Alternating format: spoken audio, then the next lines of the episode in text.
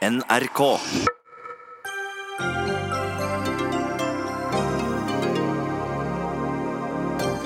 Uaktuelt for Arbeiderpartiet å forhandle om oljepolitikk ved neste valg, sa partiets nye nestleder. Uaktuelt for SV å la være, svarer det partiets nye nestleder. Regjeringa vil kreve politiattest av alle som ønsker prøverørsbefruktning for å hindre at pedofile får barn. Det stigmatiserer og mistenkeliggjør en hel pasientgruppe, ifølge forsker. Oljefondet tjener hundrevis av millioner på investeringer i cannabisproduksjon. Det mener Aktis er helt uakseptabelt. Og ny militæroffensiv mot Libyas hovedstad Tripoli. Borgerkrigen i landet har egentlig aldri tatt slutt, ifølge forsker.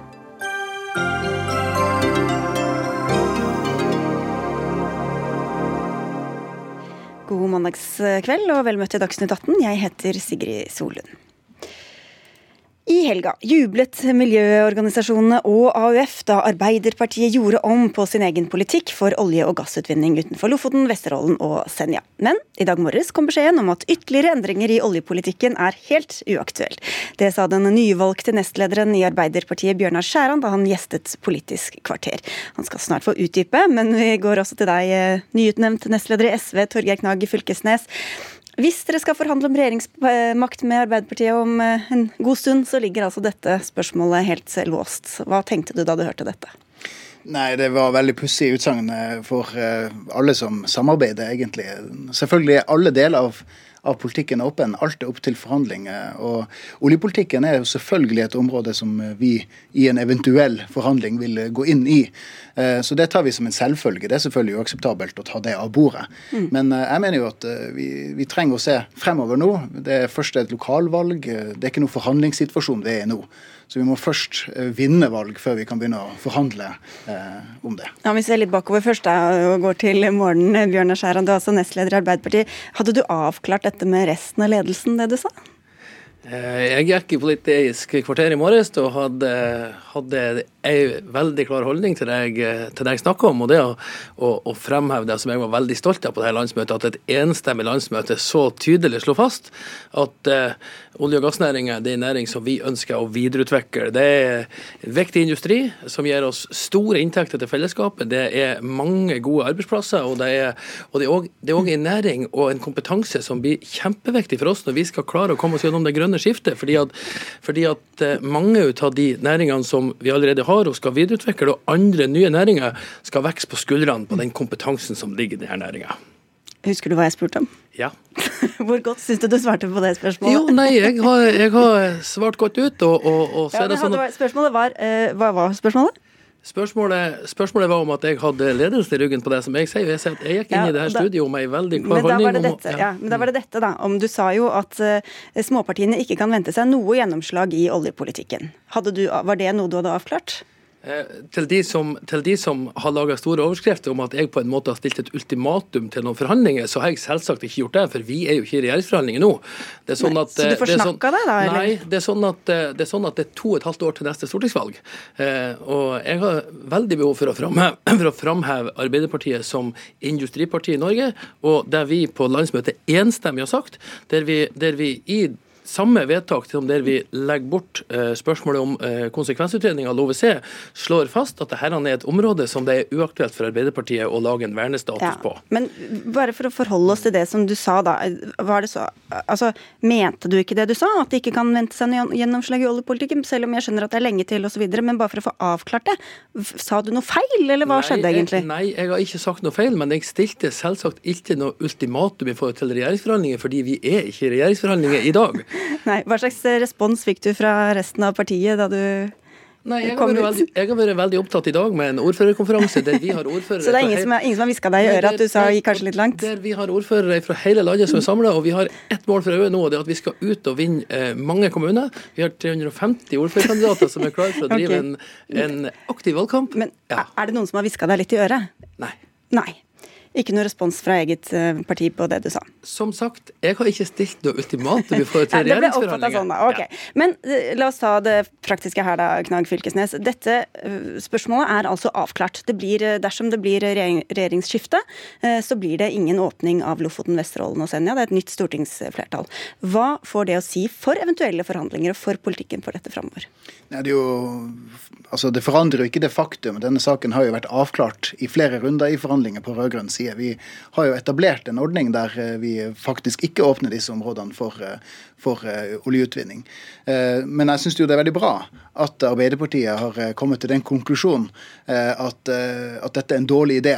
Og Da kan vi henvende oppmerksomheten mot det som er det viktige fremover i næringspolitikken. Altså Hvordan skal vi gjøre det virkelig store skiftet av norsk industri og næring fra en petroleumsavhengig økonomi til en framtidsretta industri og næring. Og Den overskriften kan dere jo være enige om, men, men Skjæran, det står jo fortsatt fast det du sa om at småpartiene ikke kan vente seg noe gjennomslag i oljepolitikken. Så hva legger du egentlig i det da? ja, og det er sånn at Nå eh, har jeg ikke omtalt noen som småpartiene, men alle som kjenner Arbeiderpartiet, vet at å forhandle med Arbeiderpartiet det er en krevende øvelse. Men vi har også, historien har også vist veldig godt at eh, i den perioden vi hadde rød-grønn regjering, så fant vi gode løsninger om de her spørsmålene. Eh, sånn at eh, jeg tror ikke at det er noen eh, ut av de partiene som har samarbeid med Arbeiderpartiet, som, som går rundt med noe andre tanker enn det. Vi er, vi, er, vi er, et parti som det er krevende å forhandle med, men vi er også et parti som finner gode løsninger med de partiene vi men, samarbeider med. Men er det da aktuelt for Arbeiderpartiet å gjøre noen nye grep og endre på noen deler av oljepolitikken? Vi har et landsmøte som enstemmig har slått fast at Du trenger ikke å jo, si det. Vi har det, men vi, ikke, det er der vi er i dag. Og så er det to og et halvt år til neste stortingsvalg. Så det blir nesten litt sånn, jeg tror nesten du må være inne i det her studioet for at den debatten skal bli interessant. For at, eh, for at, jo, men Nå snakker jeg ikke bare om forhandlinger, nå snakker jeg i det hele tatt om Arbeiderpartiets politikk framover. Er det aktuelt å tenke nytt i oljepolitikken for Arbeiderpartiet i det hele tatt? Arbeiderpartiet utvikler alltid politikken vår videre. Det er to år til neste landsmøte. og det er sånn at Vi har jo gjennom hele vår historie, med bakgrunn av i de sosialdemokratiske verdiene, så har vi jo alltid utvikla politikken vår videre. Eh, og, og sånn vil det være i framtida òg. Ok, Ta praktisk, da, Knag Fylkesnes. Hvor er det kravene kan komme, da, selv om det er to og et halvt år til osv. Så, videre, så er jo dette politikk som skal diskuteres fortløpende de neste årene. Hva, hvor er det det skiller dere mellom, mellom SV og Arbeiderpartiet? Altså, Vårt utgangspunkt er at vi trenger å omstille hele norsk økonomi. Vi står i en av de største utfordringene som menneskeheten har stått i. og Da vet vi at vi kan ikke utvinne mer olje eh, av det som vi allerede har oppdaget i dag. Vi kan ikke åpne nye felt. Eh, vi kan ikke legge til rette for mer oljeutvinning enn det som allerede er satt i verk. Vi kan ikke ha såpass gunstige ordninger for, eh, for oljenæringa. Eh, vi trenger rett og slett å vri den oppmerksomheten over til det som er framtida. Um, som er det grønne, uh, bærekraftige. Så det, det der de store skillene her går. Og jeg tenker jo at ved når Arbeiderpartiet til slutt havner på rett side i spørsmålet om Lofoten, Vesterålen og Senja, da har vi en kjempegod anledning til å begynne å tenke fremover på hvordan man skal få til det store skiftet. For det har vært en, har vært en propp det, i, i samarbeidet på, på rød-grønn side. Vi har klart å komme oss ut av dette flere ganger, men det har, det har, hengt igjen. Så nå håper jeg at vi kan flytte oppmerksomheten og hvordan vi kan få til det store, det store grønne skiftet. Ja, for Du sa Sharon, at dette, uh, altså i praktisk politikk så endrer det ikke så mye fordi at det har vært fredet på en måte i, i, i praksis. Det, men Nei, det har vært lagt til side. Ja, lagt til side. Ja, ja. Men så sier du da uh, igjen da i morges at dette vedtaket ikke endrer noen ting. Men hvordan kan du si det når det er faktisk et viktig spørsmål som har fått et helt nytt flertall på Stortinget, og som da gir også mer uh, kapital, politisk kapital til de andre partiene? Ja, når jeg sier at det ikke endrer noen ting, så er det jo fordi at det er sånn at i, gjennom to stortingsperioder nå, det er jo faktisk de to stortingsperiodene der det har vært et stort politisk flertall for å konsekvensutrede eh, enten noe eller alt, så er spørsmålet lagt bort. Og Det betyr jo at gjennom den måten som statsministeren håndterte den på, så er jo denne saken ikke aktuell lenger. Så, så jeg sa vel i morges at, at i praksis er det faktisk sånn at Arbeiderpartiet nå var det siste partiet som har lagt det her bort. Eh, og det tenker jeg det er en veldig grei avklaring, for at det er veldig mange andre viktige diskusjoner mm. knyttet til både eh, hvordan vi skal videreutvikle olje- og gassnæringa, hvordan vi skal greie å eh, bygge mer industri på den, men òg hvordan vi skal utvikle andre industrier. Og jeg har hatt en opplevelse gjennom alle de årene som jeg har Jeg har jo vært leder i Nordland Arbeiderparti tidligere, og, og, gjennom alle de årene vi har diskutert de spørsmålene, så har LoVC-saken hatt en sånn skygge for effekt. Det, det må jeg innrømme sånn nå i ettertid. Men tror du da, som Knag Fylkesnes sier, at når dette, denne saken er lagt bort da for godt, i hvert fall for deres del, eh, at det kan skape en, eh, krav om mer forandring, altså mer ny politikk, som også kan, kan spille inn på Arbeiderpartiet på dette feltet? Nei, jeg tror at det er en inngang som på mange måter blir litt sånn teoretisk og hypotetisk. For, for oss er det sånn at, at klimautfordringer er vår tids viktigste sak. Arbeiderpartiet har lagt på de siste to statsbudsjettene så har vi lagt fram en plan for hvordan vi skal innfri Parisavtalen. Vi har også fremmet forslag i Stortinget i lag med SV eh, på klima som er blitt nedstemt. Sånn at, sånn at, Det må ikke være noen tvil om at Arbeiderpartiet tar klimasaken på alvor. Men vi mener at industrien skal være en viktig del av løsninga. Eh, og, og det er også sånn at det grønne skiftet det kommer til å koste nasjonen vår dyrt, og vi kommer til å trenge de store inntektene som vi har fra både olje- og gassnæringa og annen industri, for å rett og slett komme oss gjennom det.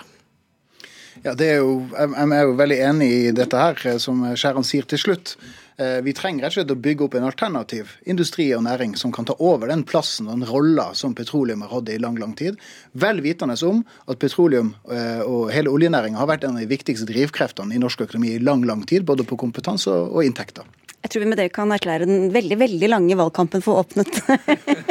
og så får vi sikkert høre veldig mye mer om dette de neste to og et halvt årene. Takk skal dere ha begge to, Bjørnar Skjæran og Torgeir Knag Fylkesnes, altså nestleder i Arbeiderpartiet og henholdsvis i SV. Dagsnytt 18 alle hverdager klokka 18.00 på NRK P2 og NRK2.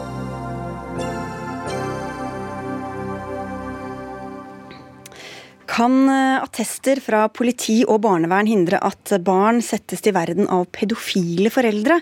Et nytt forslag fra regjeringa sier at alle som skal få assistert befruktning, må vise politiattest og barneomsorgsattest. I dag blir parenes egnethet som foreldre vurdert av fertilitetsklinikkene, som ber om attest fra politi eller barnevern i de tilfellene det er tvil. Eira Bjørvik, du er postdoktor ved Institutt for helse og samfunn ved Universitetet i Oslo, og du og en kollega skriver en kronikk i Dagsavisen i dag hvor dere bl.a. skriver at dette forslaget er til å steile over. Hvorfor er det det? Ja, altså Vi mener at politikerne og Bioteknologirådet har gått ganske langt i å um, så tvil om ufrivillig barnløses motiver for å skulle få barn. Og Vi skriver altså i denne kronikken i Dagsavisen uh, i dag at det finnes ikke noe vitenskapelig belegg for å hevde at overgripere benytter seg av assistert befruktning som en Eh, metode for å produsere ofre for misbruk. Og Det finnes heller ingen forskning på at antallet overgripere statistisk sett skulle være høyere blant foreldre gjennom assistert befruktning enn, enn ved andre foreldregrupper. Snarere tvert imot, mener vi, og forsøker å, å, vise at det finnes historisk og samtidig belegg for å hevde at nettopp ufrivillig barnløse som pasientgruppe er utmerker seg som en særlig motivert gruppe pasienter. Men Da kan man jo si at det eventuelt er unødvendig, men hvorfor er det også uheldig, mener dere, at man innfører dette nye regimet, hvis det da kommer på plass? Ja, så Pasientorganisasjonen Ønskebarn har jo tidligere uttalt at de opplever dette som svært stigmatiserende. Eh, og det tror jeg enhver kan forstå. Det er eh, man tør jo minne her om at assistert befruktning ikke er en spesielt lettvint løsning på et uoppfylt eh, barneønske. Um, så Vi mener i likhet med pasientorganisasjonen at det er uheldig å generalisere og innføre en sånn generalisert attestordning uh, for en hel gruppe mennesker, når vi vet at tallet det dreier seg om antall tvilstilfeller i året er så lavt. Åshild Brun Gundersen, du er helsepolitisk talsperson i Fremskrittspartiet. Dette er jo noe som de aller fleste mennesker gjør helt på egen hånd. Hvorfor skal man ha en politiattest for da denne ene gruppa som prøver å få barn? Altså Av den enkle grunn at barn som kommer til verden skal få tryggest mulig rammer. Vi stiller de samme kravene til foreldre som ønsker å adoptere, som ønsker å ha, ta imot fosterbarn, eh, som vil være avlastningshjem. Og Det handler i bunn og grunn om å sikre at barna får en tryggest mulig oppvekst. Og Jeg forstår ikke hvordan det er mulig å reagere på det. Hvis man kan redde ett barn fra å bli født inn i en familie med overgripere, voldsmenn eller pedofile, så mener jeg at staten har en plikt til å gjøre det. Dette var en seier for Fremskrittspartiet. Det å få på plass en politiattest og omsorgsattest, det mener vi er helt avgjørende. Men har dere noe som helst belegg på at dette faktisk skjer? At dette er en måte pedofile prøver å skaffe seg barn på? Nei, og Det er en påstand som vi heller ikke har sagt, men vi ønsker å være sikre på at den egnethetsvurderinga legen er nødt til å gjøre før man gir fertilitetsbehandling, blir gjort på en best mulig måte. I dag så syns klinikkene selv at dette er vanskelig, og hvordan skal man gjøre en egnethetsvurdering av foreldre som får eh, helsehjelp til å få barn. Da mener vi at det er helt avgjørende at de får innsikt i eh, strafferegisteret hos politiet. Er du dømt for voldshendelser, narkotikaforbruk eller sedelighetskriminalitet, så skal du altså ikke få barn. Fremskrittspartiet mener at hvis du er pedofil, konemishandler eller overgriper, så har du ingen rett til å få statlig hjelp til å få barn. Ja, jeg hører eh, Brun Gundersen eh, her. Det er et edelt ønske. Selvfølgelig er det det. Vi som samfunn har som, eh, som oppgave å beskytte barn. Selvfølgelig har vi det. Og vi, vi, skal jo ikke hjelpe pedofile å få barn. Det er jo ikke det dette dreier seg om overhodet. Dette dreier seg om altså Når jeg sier at det er en, edel motivasjon hun fremfører, så syns jeg det er en farlig retorikk. Fordi det man egentlig driver med under, under, bordet, er en kriminell profilering av titusenvis av norske kvinner og menn. Bare få høre med deg også, Raino Malnes. Du er medlem i Bioteknologirådet. som er altså, Regjeringa har lyttet til dere i, i, denne, i, denne, saken. Hvorfor mener dere at det er viktig at politietaten og barnevernet skal vurdere i disse enkelte tilfellene hvorvidt eh, de er egnet som, eh, som foreldre eller ikke? En egnethetsvurdering vil vi ha, og skal vi ha. Den bør være rutinisert, den bør være anonymisert, den bør være universell, slik at ingen behøver å føle seg mistenkeliggjort. Rommet for vilkårlig skjønn skal være så lite som mulig, og dette er et bidrag til å gjøre prosessen mer anonymisert, mer rutinisert og mindre av en belastning enn den ellers ville vært. Eh, det er klart at eh, det er ikke mange tilfeller. Ett eneste tilfelle er nok til å si at det er en stor ulykke. Og når vi gjennomfører, når en sånn ordning blir gjennomført, i det hele tatt hele egnethetsvurderingen, er jo gjennomført for å hindre at ting skal skje. Den skal først og fremst ha en avskrekkende effekt. Men som sagt, jo mer ja, dette er byråkrati på sitt aller beste. Rutiniserte, universelle ordninger som det ikke er noen belastning for den enkelte å være uh, utsatt for. Ingen belastning å bli kontrollert for noe hvis man ikke har noe å frykte. Ja, Men hvis det er sånn, altså i dag så er det jo der hvor man eh, mistenker noe, så, så, så, så ber man om en ekstra, ekstra sjekk. Uh, ut fra et slags medisinsk skjønn. Eh, men det kan jo også være foreldre som er uegnet uten at de har rulleblad hos politi eller barnevern. Og hva kan det gjøre med hver enkelts lege øh, vektlegging av sine egne vurderinger, dersom man måtte skyve dette over på den, på den andre rull, rullebladvurderingen? Ikke skyve det over på noen, men gi legene dokumenterbart belegg for å gjøre den beslutningen de må ta, bedre enn ellers ville vært. Simpelthen gi dem en bedre forutsetning for å gjøre den egnethetsvurderingen som de skal ta. Ja, og Hva kan det skade, egentlig, da, hvis, hvis alle er gjennom den samme mølla? Ja, Nei, altså medisinsk, eh, medisinsk, skjønn er jo det vi har praktisert av de siste 80 årene hva gjelder assistert befruktning i Norge. Og som Bioteknologirådet er inne på her, så er det jo så forsvinnende få tilfeller i året. Eh, Bioteknologirådet har jo selv sagt at i 99% av tilfellene, dette er et tall jeg syns vi godt kan gjenta, i 99% av tilfellene så er det ingen, foreligger det ingen tvil om disse pasientenes egnethet som foreldre. Skal vi da innføre et system hvor 100% skal, skal måtte be politiet eller en annen omsorgsinstitusjon om, om en attest for å bli foreldre. Det finnes altså ingen annen medisinsk diagnose i Norge i dag hvor man må ha attest for å få, og jeg understreker, egne biologiske barn, som det stort sett er snakk om her. Um, Uh, ja. ja men, men altså, det å få barn er en stor gave, men det er et enormt stort ansvar. Man får ansvar for et barn som skal ha, vokse opp gjennom et langt liv, komme seg ut i arbeidslivet ha trygge rammer.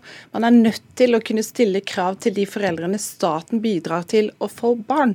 Og Jeg kan ikke forstå at noen kan være uenig i at det f.eks. å være involvert i tidlige barnevernssaker gjør deg uegnet for å få flere barn. Hvis du har utøvd grov vold mot kona di, hvis du har begått sedelighetsforbrytelser, så skal du ikke få barn.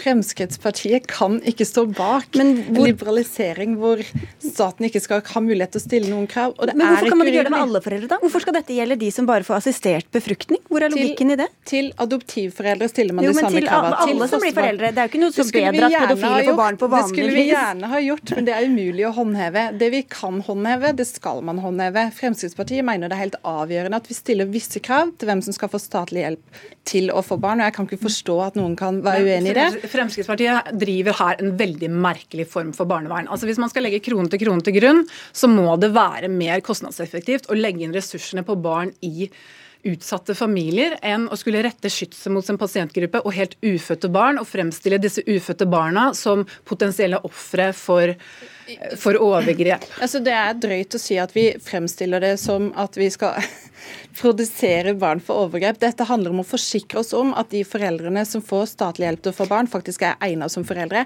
Jeg syns ikke det er urimelig at man nå stiller krav om omsorgsattest og politiattest for å avdekke de mest alvorlige hendelsene, for å sørge for at barna får det best mulig. Vi skal ta ressursene, mens Raino Male skal vi bare inn først. Vi burde eh, legge døde. Det ene er argumentet hvorfor gjør man ikke dette med alle? Og Forklaringen er jo enkelt, det lar seg ikke gjøre. Vi har barnevernet. Det er en ordning vi bruker overfor dem. Vi kan i praksis ikke kontrollere de aller fleste som får barn i Norge. Men vi ønsker jo at folk som får barn, skal være egnet til å være foreldre. Her har vi en mulighet, og den benytter vi oss av på en slik måte at ingen skal kjenne seg mistenkeliggjort. Det er det ene vi bør legge død. Og det andre argumentet vi bør legge død er at her bruker man store ressurser på noe som heller burde vært ressurser som heller burde satt inn et annet sted. Dette er ikke et stort og ressurskrevende tiltak. Hvor mye er det beregnet til å koste da, Brun Gundersen? Nei, Vårt forslag er ute på høring nå, så først må vi finne en modell for å gjøre dette mest mulig effektivt. Vi er opptatt av å lytte på fagfolka som skal praktisere dette regelverket. De har selv etterspurt et bedre regelverk for å være tydelig på hva slags egnethetsvurdering vi som stat forventer at de skal gjøre ute på de medisinske klinikkene. Så Vi må finne en god løsning på det. kommer vi selvfølgelig til å gjøre i samråd med de som skal praktisere det. Eh, I utgangspunktet så ser vi at det er ikke så veldig dyrt, men det handler om å få effektivitet i eh, papirmølla og sørge for at politi og barnevern klarer å produsere. Dette blir jo et, et, økt byråkrati som dere har gått til, til valg mot. Eh, og hva skal politi og barnevern da prioritere ned, når de da må bruke tid på dette i stedet for? Nei, jeg tror barnevernet er også, og politiet er minst like interessert som oss i Frp på å sørge for at de som får hjelp til å få barn, ikke er pedofile, ikke er overgripere, men at de derimot er skikka til å gjøre jobben som foreldre på en god måte. Det handler om barna våres beste, og det er vår eneste interesse. Men du er enig i at det blir mer jobb som noe annet da, som går utover et eller annet annet?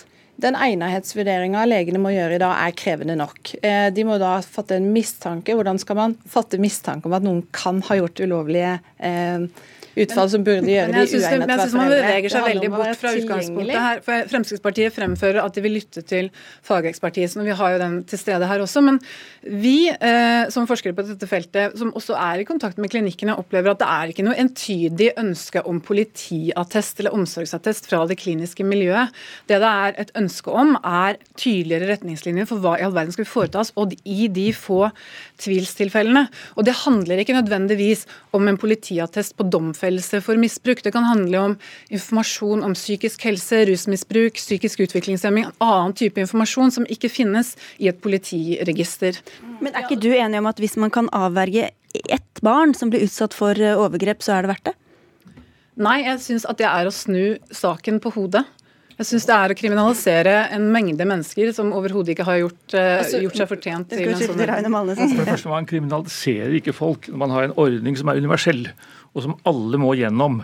Og det skjer som en ren rutineøvelse. Og for det andre Men da syns jeg det er verdt å lytte til pasientorganisasjonen. Det, det ble sagt tidligere i dag at man steilet over, over, regjeringens forslag. Jeg steilet over et par av formuleringene i artiklene i Dagsavisen i dag. F.eks. formuleringen 'å skyte spurv med kanoner'. Dette er definitivt ikke å skyte en spurv. Denne spurven er altså barnemishandling. Det er overgrep mot barn. La meg få lov, å snakke ferdig.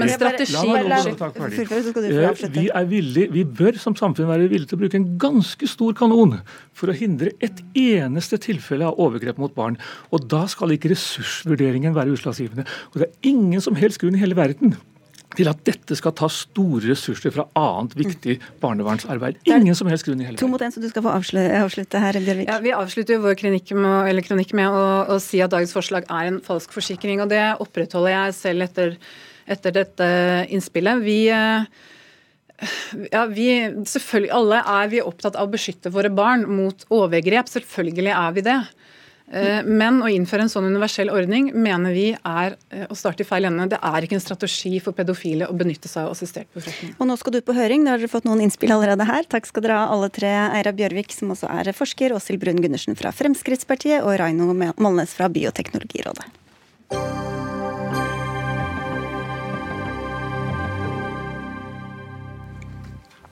For eh, mange arkitektkontorer er det viktig å være med på konkurranser om å bygge nye bygg. Men Det å knives om å levere den beste skyssen til løsning koster tid og penger.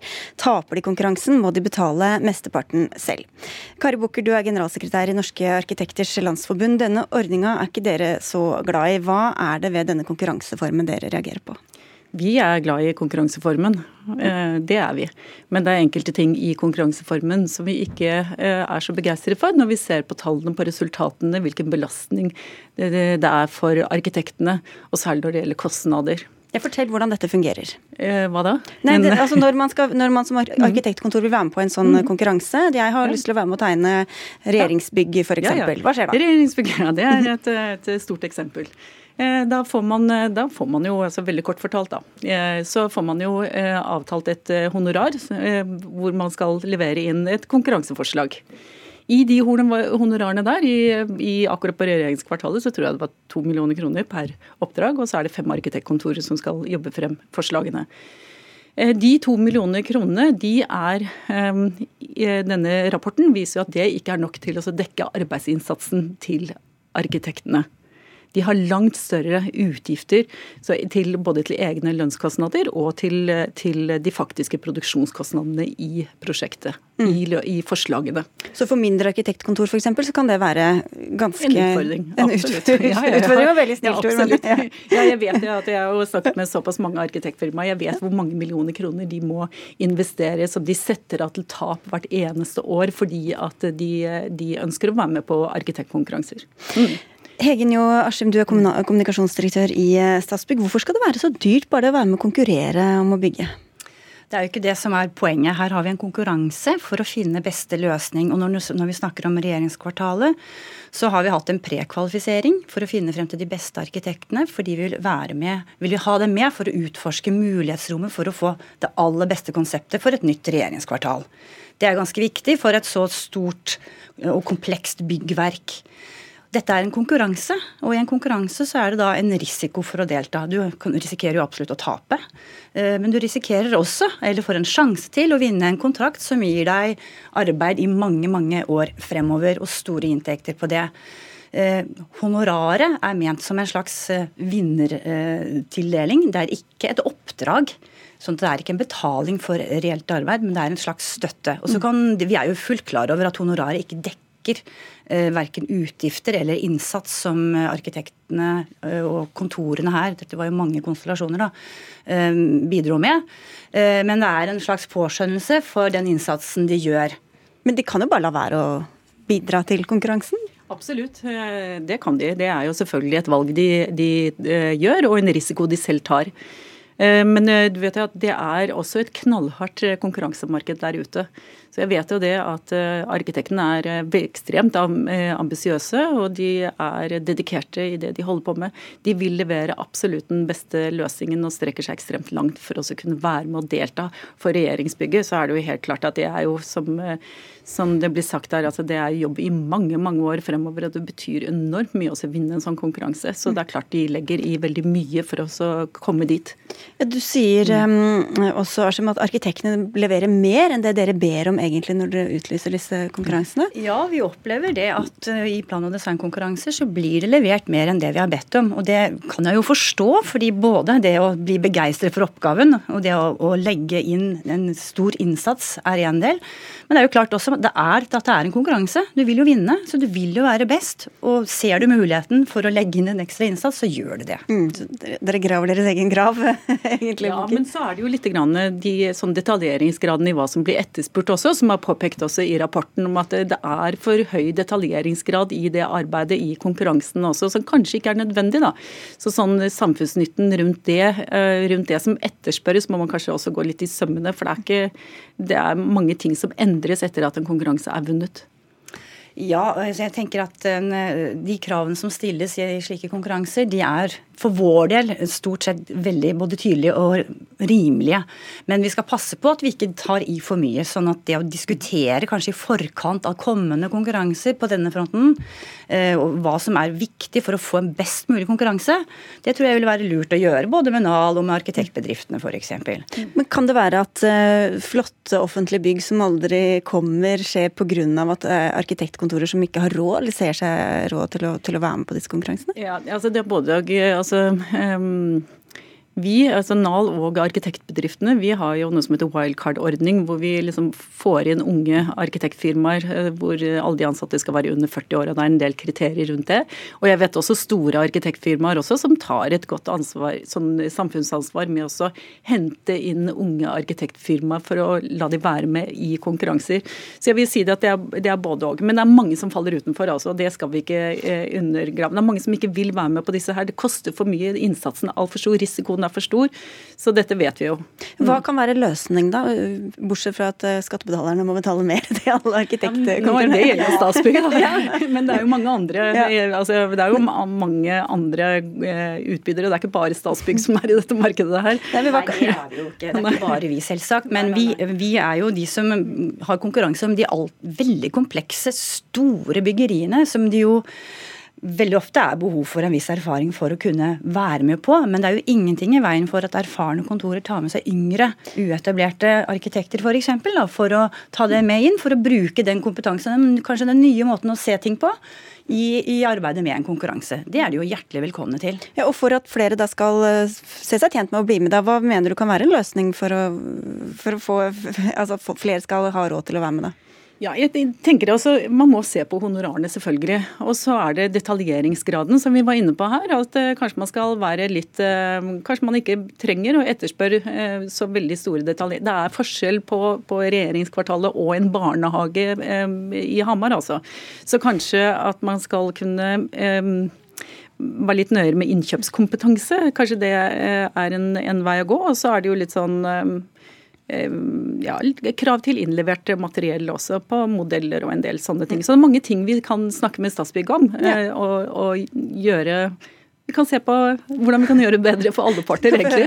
Allerede nå, vet du. kan jo selvsagt, men jeg er jo glad du sier at det er store forskjeller på de ulike ja, prosjektene. En barnehage som jo vi ikke lager, er voldsomt forskjellig fra et stort og gedigent og komplekst regjeringskvartal. Eller et livsvitenskapsbygg på over 66 700 kvadratmeter. Men, men økte honorarer er ikke veien å gå, sånn som du ser det? Vi tenker at vi først må se på hva som er en god konkurranseform, og så må vi diskutere, tenker jeg, til åpne for at vi snakker sammen for å få de beste beste, få kravene på plass for å få de beste løsningene. Mm. Og så må man jo se på honorar i forhold til hva som både skal mm. leveres, men også hvilket prosjekt vi har uh, å gjøre med. Da fikk vi begynt uh, diskusjonen her, i hvert fall. Ja, Det er veldig fint. veldig fint. Det kommer vi til å fortsette med. Takk skal dere ha begge to, uh, Kari Bukker, altså generalsekretær i Norske arkitekters landsforbund, og Hegen Joachim, kommunikasjonsdirektør i Statsbygg.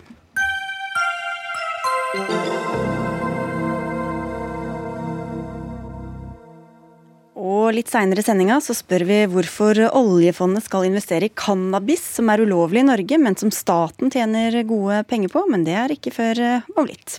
For nå skal det handle om eh, Libya, som igjen trues av borgerkrig. Landet har vært preget av et voldelig politisk kaos siden diktator Muammar Gaddafi ble mm, styrtet i et Nato-støttet opprør i 2011. For tiden har Libya to rivaliserende regjeringer. Den FN-støttede i Tripoli og en øst i landet som er alliert med general Khalifa Haftar. Han har satt i gang en militæroffensiv mot regjeringa i Tripoli bare dager før et nasjonalt forsoningsmøte. Og Veronica Westrin, korrespondent i USA. I går ba USAs utenriksminister Mike Pompeo general Haftars LNA-milits om en umiddelbar stans i offensiven i Libya. Hva håper han å oppnå med det? Ja, Denne offensiven kom jo overraskende på, og håpet er jo å unngå borgerkrig. Mike Pompeo eh, er, sier at USA er dypt bekymret eh, for situasjonen. Eh, og de ønsker jo, altså Håpet er jo at, at, partene skal sette seg ned og snakke sammen. Pompeo sier at det vil ikke være noen militær løsning på, på på denne situasjonen. Her, her må internasjonale eh, ledere, FN og ikke minst partene i Libya sette seg ned ved forhandlingsbordet. Og så har amerikanske styrker begynt å trekke seg ut av Libya. Hvorfor skjer det akkurat nå? Ja, I går så trakk eh, amerikanske styrker eh, seg ut. og Det begrunnes rett og slett med sikkerhetssituasjonen på bakken. Disse styrkene har jo jobba med altså Dette er militære styrker som har jobba med å støtte kontraarbeid mot eh, terrorisme. mot Altså jobba med regionale forhold, og, og, de har nå sett seg nødt til å flytte styrkene. De oppgir jo selvfølgelig ikke hvor de er flyttet til, men men, men, det begrunnes da i at det ikke lenger er trygt å være der de er. Takk skal du ha, Veronica Westrin. Morten Bøås, seniorforsker ved Norsk utenrikspolitisk institutt, NUPI. Det er ikke bare USA, det er også Italia India som har trukket seg ut. Er det også sikkerhetsårsaker som ligger til grunn der? Ja, det er nok først og fremst det. Og det er klart at når én begynner å trekke seg, en part begynner å trekke seg ut, så er det nok mulig at man ser litt på hverandre og tenker at jeg vil ikke bli den siste som sitter igjen med mine soldater eller medborgere eller ansatte her sånn. fordi at det er klart en hva skal man si, en evakueringsoperasjon fra et Tripoli i flammer ville vært en svært komplisert operasjon som enten må foregå fra enten fra havet, fra Middelhavet, eller fra naboland, og da antagelig fra Tunisia. Begge deler er komplisert, så jeg tror nok det er den type sikkerhetsavveininger som ligger bak. Pluss at det antagelig teller litt at italienerne var så tidlig med å trekke seg ut, øh, og også enig, altså italienske oljeselskapet, trakk ut sine ansatte. og Mange ser på Italia her, som man regner med kanskje er de som har den beste informasjonen fra bakken. Hvorfor er det blitt så, så utrygt der nå? Ja, det er flere grunner til. Altså, når, Libya har jo vært utrygt i lang tid, siden 2011. altså denne Man snakker om at en borgerkrig skal starte igjen. altså Jeg mener at borgerkrigen aldri har tatt slutt. Eh, for hvordan er det mulig å snakke om en borgerkrig som tar slutt når du har et land som siden 2011 ikke har hatt én regjering, én eh, statsadministrasjon, men flere konkurrerende og en hel haug med krigsherrer som opererer. Så dette er snarere snakk om at en borgerkrig som nå ser ut til å blusse opp igjen. Og hvorfor gjør den det nå? Jeg tror veldig mye av dette handler om de FN-forhandlingene som skulle starte 14.4, og at det handler om å prøve å skaffe seg best mulig kort på hånden før disse nå kanskje starter. Det vet vi ikke. To regjeringer, altså. Sigurd Falkenberg Mikkelsen, utenriksmedarbeider i NRK. Hvordan blei det sånn? Det er et godt spørsmål. Libya er et stort land da, med eh, ganske tynt, eh, tynt befolket.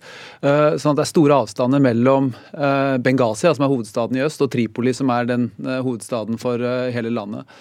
Og veldig tidlig i etterkant da, av revolusjonen som styrtet Muammar Gaddafi og krigen som, som fulgte, så var det veldig tydelig at det var krefter her som, som, ønsket den utviklingen. Jeg husker jeg selv jeg var i Benghazi under valget i 2012, og det gikk egentlig ganske bra for seg. Det var nasjonalt samlende og slike ting, men det var også veldig tydelige separatistkrefter i spill allerede da. Sånn at det har vært krefter, og også historiske årsaker, som ikke ønsker å bli styrt fra Tripoli. Så har ikke Tripoli hatt noe særlig makt etter at Gaddafi eh, forsvant, i de østlige delene. Eh, og så har da det internasjonale samfunnet prøvd å lappe på dette med en sånn samlingsregjering, som eh, er en samlingsregjering i navnet, men ikke mer enn det. De har ikke noen særlig styrker de kontrollerer selv. Så Det er jo general Heftars store fordel, da, at han har en viss form for kontroll over styrkene sine, mens for de andre så er det mer et sammensurium av militser. Og Hva slags støtte har de to ulike regjeringer i, i befolkninga? Jeg tror det er veldig spredt. Eh, inntrykket mitt er at eh, de aller fleste er ganske slitne, og at eh, man er på en måte forbi et punkt hvor støtte i befolkningen er veldig avgjørende i den ene eller andre retningen. Det er andre krefter som spiller inn her nå. Noen kan kanskje trekkes mot et drøm om stabilitet og velge den ene eller andre part pga. det, eller fordi de har sterk lokal tilhørighet. Men jeg tror de aller fleste er først og fremst utrolig slitne av den ustabiliteten som preger landet. Jeg er helt enig i det. Men samtidig så vet vi rett og slett ikke i hvilken grad disse har eh, betydelig eller totalt manglende folkelig støtte, noen av disse to regjeringene. at det ikke er mulig å gjennomføre troverdige meningsmålinger eller noe sånt nå i Libya. Det har det ikke vært på lang tid. Men i den grad de har støtte, så er det noe jeg er helt enig med Sigurd som sier at den nok i stor grad er veldig lokal. Eller at det, som man heller ikke skal stikke under en stol, at det ser ut til å være en viss nostalgi i Libya for en ny, sterk mann. Altså, man, eh, en del husker det de hadde under Gaddafi, som var vel først og fremst for den vanlige, jevne libyer, så var det fred og velstand, og ikke minst stabilitet. Så forsvant han, og hva fikk de? Vel, altså de har fått alle de negative tingene som man ikke vil ha. Ja, og da, da, som du nevnte, denne, denne, krigen i 2011 som Nato og Norge da også var en del av å, å bombe osv. Hva slags Libya var det vi, vi etterlot oss eh, der eh, da et, etter, det, etter 2011? Etter min oppfatning så var det et Libya totalt i ruiner. Altså vi, vi enten innså ikke, eller ville ikke innså, innse at den staten som eksisterte i Libya, den Gaddafi-staten, var ikke en stat som var dypt nedsunket i folket. Det var en stat som egentlig fløyt oppå, men var i stand til å kontrollere territoriet ved hjelp av makt, men også ved hjelp av eh, penger.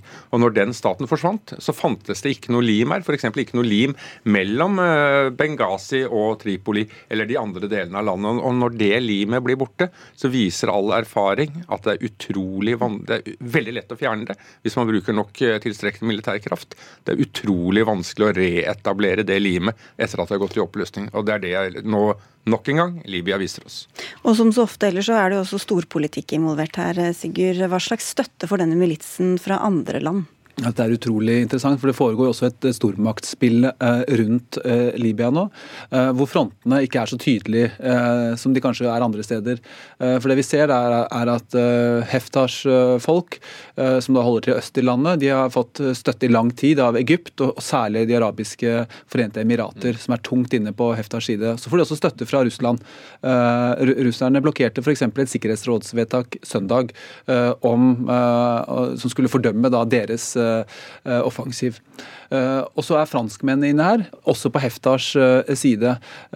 Forsvar, fors, utenriksministeren, tidligere forsvarsministeren, var den første vestlige politikeren som traff, traff Heftar. Så franskmennene sitter nok også igjen med i en litt pinlig situasjon her nå. Og det er også en splittelse veldig tydelig mellom Frankrike og Italia. og på, altså Frankrike og Italia og Tyskland. Sånn det, det, Libya-konflikten splitter også EU. Og så dette, dette forsoningsmøtet du nevnte, Bøås. Hva skal skje der? Hva slags forventninger har vi til det? Nei, nå var det vel ingen som hadde spesielt store forventninger til det, dette også før det skjedde. Altså, Formelt sett så skulle dette møtet være første skrittet mot samtaler som skulle nok en gang skulle lede fram til valg. Eh, de fleste regnet vel med at eh, hvis dette kom til å skje, så ville det ikke bli tatt noen avgjørende skritt her, men man så på det som det, at det kanskje kunne være en bitte liten byggestein i det mye større puslespillet fram mot uh, valg og en eller annen form for eh, reforening av uh, Libya. Nå gjenstår det å se hva som, vil, hva som vil skje. Vil dette her rett og slett komme helt ut av kontroll og eskalere i en blodig kamp om kontroll av Libya? Eller vil partene, etter å ha hva skal man si, flakset med fjærene, vise seg fram, vist hvilken makt de har, så blir det inngått et kompromiss som Hafter kan leve med, og så setter de seg forsinket til forhandlingsbordet? Det gjenstår å se. Jeg tviler på at eh, det er mulig å gjennomføre den dialogen på noen fornuftig måte slik det var tenkt. Eh, og Timingen til heftet her er jo også ekstremt spesiell, må man si. Det skjedde mens FNs generalsekretær var i Tripoli. Eh, så spørsmålet er om han vil fortsette nå den offensiven. Det gikk ikke så raskt som han kanskje trodde. Han hadde kanskje håpet å ta over Tripoli allerede i helgen. Det har ikke gått. Hva skjer nå? Vil han prøve å trekke seg tilbake? Fortsette krigen? Mange ubesvarte spørsmål. Takk skal dere ha, begge to, Sigurd Folkeberg Mikkelsen og Morten Bøs fra Trekom. Hør Dagsnytt 18 når du vil. Radio NRK Radio.nrk.no.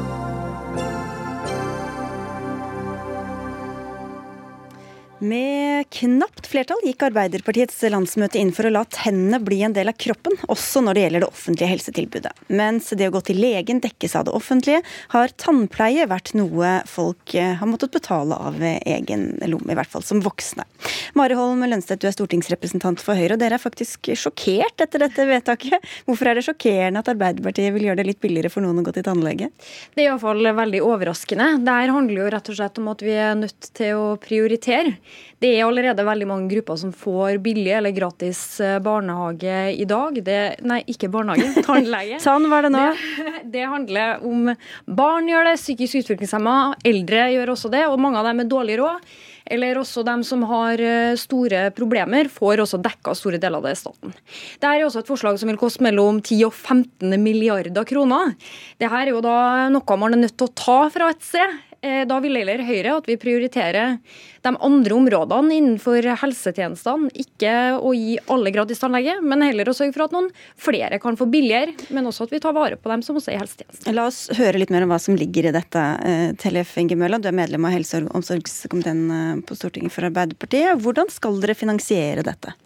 Ja, Det må vi jo ta gradvis. og Allerede i inneværende budsjett så har vi jo en helt annen tilnærming på dette enn det Høyre har. Vi har lagt inn nesten en halv milliard der, mens Høyre i løpet av denne perioden har kutta 380 millioner på, på tannhelse gjennom ulike typer innstramminger. Så Når Høyre nå sier at de er overraska over det, så er det jo klart at da er det et uttrykk for at uh, her så ser man ikke tannhelse uh, med den samme betydninga som det er, jeg opplever at befolkninga der utgjør. og da har vi to ulike alternativer i politikken, der Arbeiderpartiet ønsker å utjevne forskjeller mellom folk, og det må vi òg gjøre gjennom tannhelse. Men det er mye sånn på sikt, og dere skal jobbe for å forenkle og styrke osv. Eh, din partikollega Inge, Ingvild Kjerkol eh, var raskt ute med å avdramatisere litt, og sa at dette var noe dere skal jobbe med på sikt.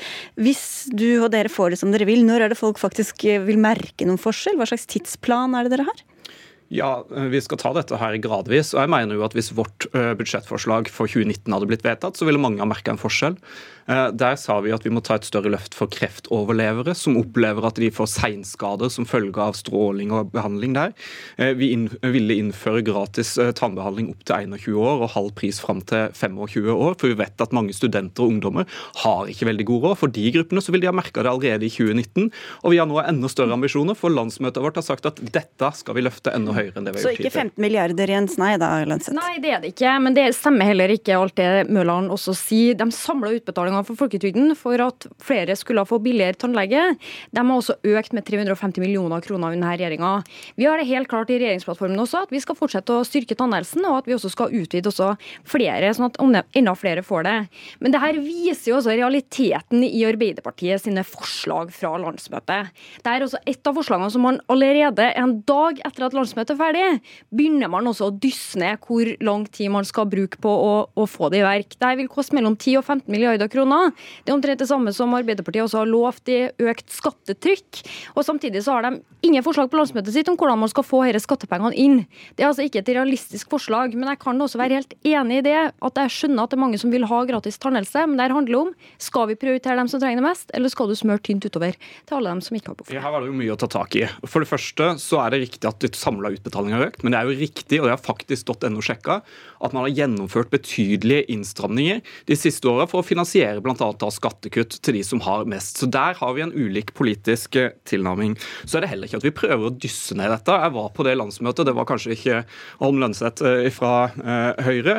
Det står at vi skal ha en gradvis utbygging av ordningene, men vi har et mål.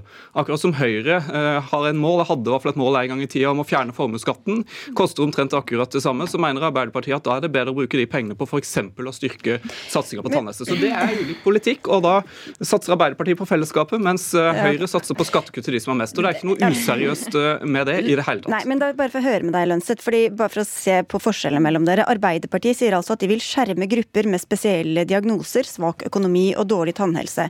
Høyre vil øke støtten til tannbehandling til dem som har store tannhelseutgifter og dårlig økonomi. Hva er egentlig forskjellen på det her? Nei, jeg tror Hvis du ser på de lange linjene i tannhelsepolitikken sånn som det har vært, så har det mye som har forent både Høyre og Arbeiderpartiet. Det er jo derfor også det står i regjeringsplattformen. Jeg kan ta et eksempel til. Eh, Arbeiderpartiet vil styrke og forenkle ordningene for refusjon gjennom folketrygden til diagnoser som gir dårlig tannhelse, f.eks. som det ble nevnt her, de som har overlevd eh, kreft. Høyre sier at de vil gi tannhelsehjelp til personer med medisinske sykdommer og lidelser, og som har store tannhelseproblemer. Men Det er sjokkerende når Arbeiderpartiet vedtar det, men når dere skriver det, så er det helt innafor. Alle de tingene du leser opp her, det har vi også hatt bred enighet om. Det er også noe regjeringa jobber med å følge opp. Men Hvorfor er det sjokkerende at de vedtar det? det, det, her er jo ikke det de har vedtatt nå. Nå har de vedtatt at det skal gratis tannhelse til noen, og det er jo noe helt annet enn de eksemplene som er lest opp. Det er noe som vil koste vesentlig mer, som vil føre til at altså, vi har en ganske god tannhelse i Norge. Det er i verdenstoppen. Det handler om skal vi finansiere tannlege for voksne, friske mennesker som fint klarer å ta vare på sine egne tenner, eller skal vi smøre tynt utover? Hvis jeg skal få råd til alle de ønskene som også er lest opp også som Høyre ønsker seg, forbedre ordningene, så må vi også målrette mot det, framfor at man smører tynt utover, sånn at det alle får, framfor dem som virkelig trenger det. Ja, jeg syns at Høyre her bagatelliserer utfordringene med tannhelse. I fjor så var det en undersøkelse som viste at én av tre hadde latt være å gå til nødvendig tannbehandling fordi de ikke hadde hatt råd. 14% sa at de hadde måttet ta opp lån for å få gjennomført nødvendig tannbehandling. Det er store utfordringer på dette feltet som Høyre ikke anerkjenner. Og så er det fint at de har sine programformuleringer, men de har altså stramma inn på flere ordninger mens de har sittet i regjering. Senest i inneværende budsjett så er det innstramminger på drøyt 50 millioner. Det er riktig at utbetalingene øker. Nei, det er ikke styrka satsinga på tannhelse annet enn at utbetalingene har økt. Det har de gjort på omtrent alle, alle felt i samfunnet. Men man har innstramminger f.eks. på mennesker med sterkt nedsatt evne til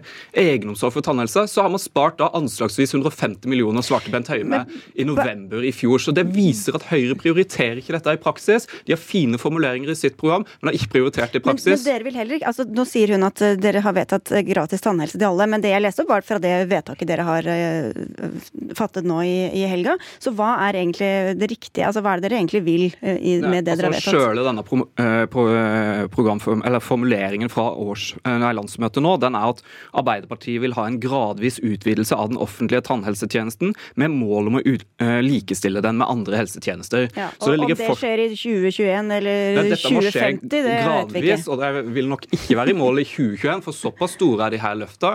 Men det er vår prioritering at vi satser på å utjevne forskjeller og på å satse på tannhelse, framfor sånn som regjeringa har gitt store skattekutt til de 10 okay. Men, men, men dere, dere, lovte jo dette, dette, også så langt som, tilbake som i valgkampen 2009. Da skulle også tannhelse inkluderes i det offentlige eh, helsetilbudet. Det skjedde ikke da. Hvorfor skal vi stole på at det skal skje nå, hvis dere kommer i regjering? Ja, jeg syns jo det gikk for seint uh, den gangen, for jeg var med på det forslaget. Det var før jeg kom på, på Stortinget. Men det skjedde en utvidelse, bl.a. for de som var rusavhengige, for de eldre uh, som var over 75, så skjedde det en utvidelse.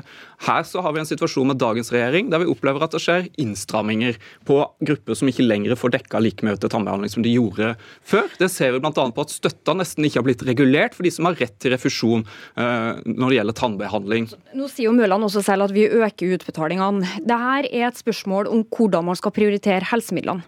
Her sier Arbeiderpartiet klart og tydelig at man ønsker å prioritere 10-15 milliarder kroner for å utbetale til friske, voksne mennesker som klarer å ta vare på sine egne tenner, fremfor de andre som har stort behov for tannhelse. Og Det var liksom målet til slutt, men alle de prioriteringene de har gjort på veien, de var dere egentlig enige i da?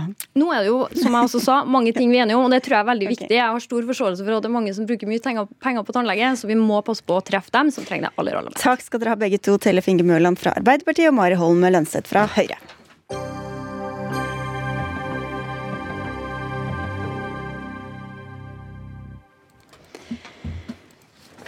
Cannabis er som kjent eh, ulovlig i eh, Norge, men det hindrer ikke oljefondet i å håve inn på investeringer i utenlandske cannabisselskaper.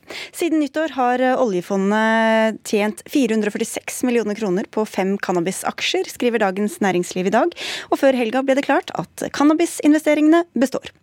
Pernille Huseby, du er generalsekretær i Aktis, som altså er rusfeltets samarbeidsorgan, og dere sier at dette er oppsiktsvekkende. Hvorfor er det det? Ja, vi tenker at det er uetisk å tjene penger på å plassere våre fellesverdier i selskap som produserer narkotika. Uh, cannabis som det er snakk om her, er jo både avhengighetsskapende og helseskadelig. Uh, og i tillegg forbudt både i Norge og internasjonalt gjennom FN-konvensjonene. Og vi tenker jo at det er eh, burde være helt innlysende at man ikke skal ha penger det, på, plassert på denne måten. Mm. Også når vi ser parallellen til tobakk, eh, som har den samme begrunnelsen, der det er både helse og det etiske ved det, eh, som er begrunnelsen, så er jo cannabis et produkt på som er veldig sammenlignbart. Og i tillegg kommer dette at det er ulovlig. Ja, hvorfor, Bård Hoksrud fra Fremskrittspartiet, skal vi investere i cannabis, men ikke i tobakk, når det, når det ene til og med ikke er lov i Norge? Nei, Det er jo fordi at uh, det er jo mange stoffer som ikke er lovlige, legemiddelstoffer, altså legemidler osv., som ikke nødvendigvis ville vært lovlig uh, i seg sjøl, men fordi det er en del i en, som kan brukes i en behandling. og Dette handler om at cannabis kan brukes i medisinsk behandling uh, og hjelpe veldig mange som er veldig syke, bl.a. kreftpasienter pasienter kan dette ha kjempegod effekt for. På samme måte som at man bruker opiater, man bruker, eh, bruker andre stoffer som, som, legemidler driver med. Dette er jo legemiddelselskaper eh, som man har investert i.